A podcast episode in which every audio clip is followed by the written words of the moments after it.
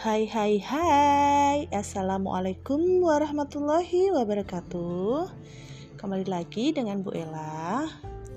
Pada kali ini kita akan belajar tentang dongeng. Disimak ya.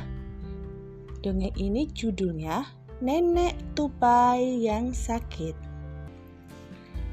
Di sebuah hutan tinggallah nenek tupai yang sangat disayangi oleh seluruh penghuni hutan.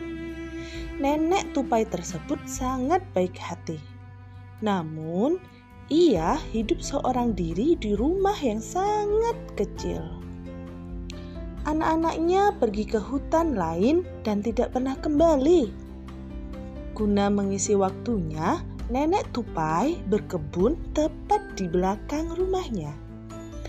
Ia pun selalu membagikan hasil kebunnya kepada anak-anak dan binatang lainnya. Ia juga sangat pintar mendongeng. Setiap sore, semua binatang datang ke rumahnya untuk mendengarkan dongeng.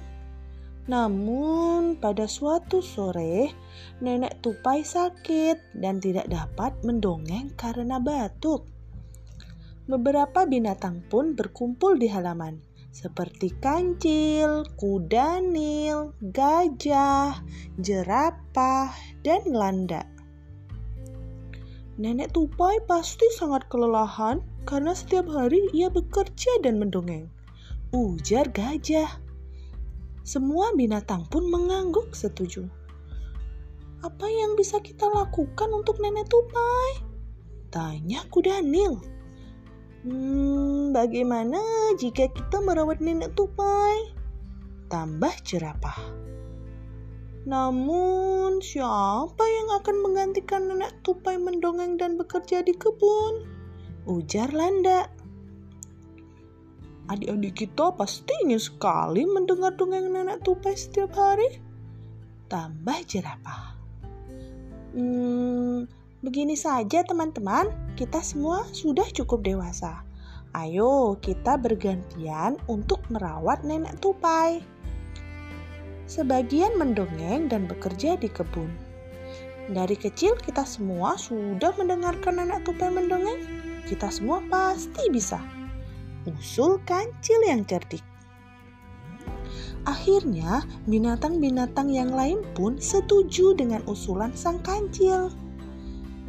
Keesokan harinya, mereka pun bergantian untuk merawat, nenek tupai. Jerapah bertugas merawat nenek tupai. Kancil dan kudangil bertugas mendongeng. Sedangkan gajah dan landak bertugas untuk menyirami kebun. Nenek tupai sangat senang dengan bantuan dari binatang-binatang tersebut.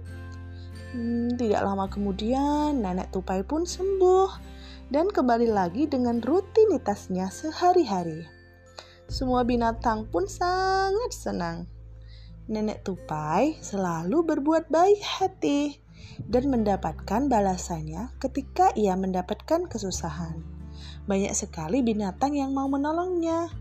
Uh, jadi, anak-anak, Contohlah nenek tupai yang selalu berbuat baik hati. Suatu saat kita akan mendapatkan balasan dari kebaikan kita.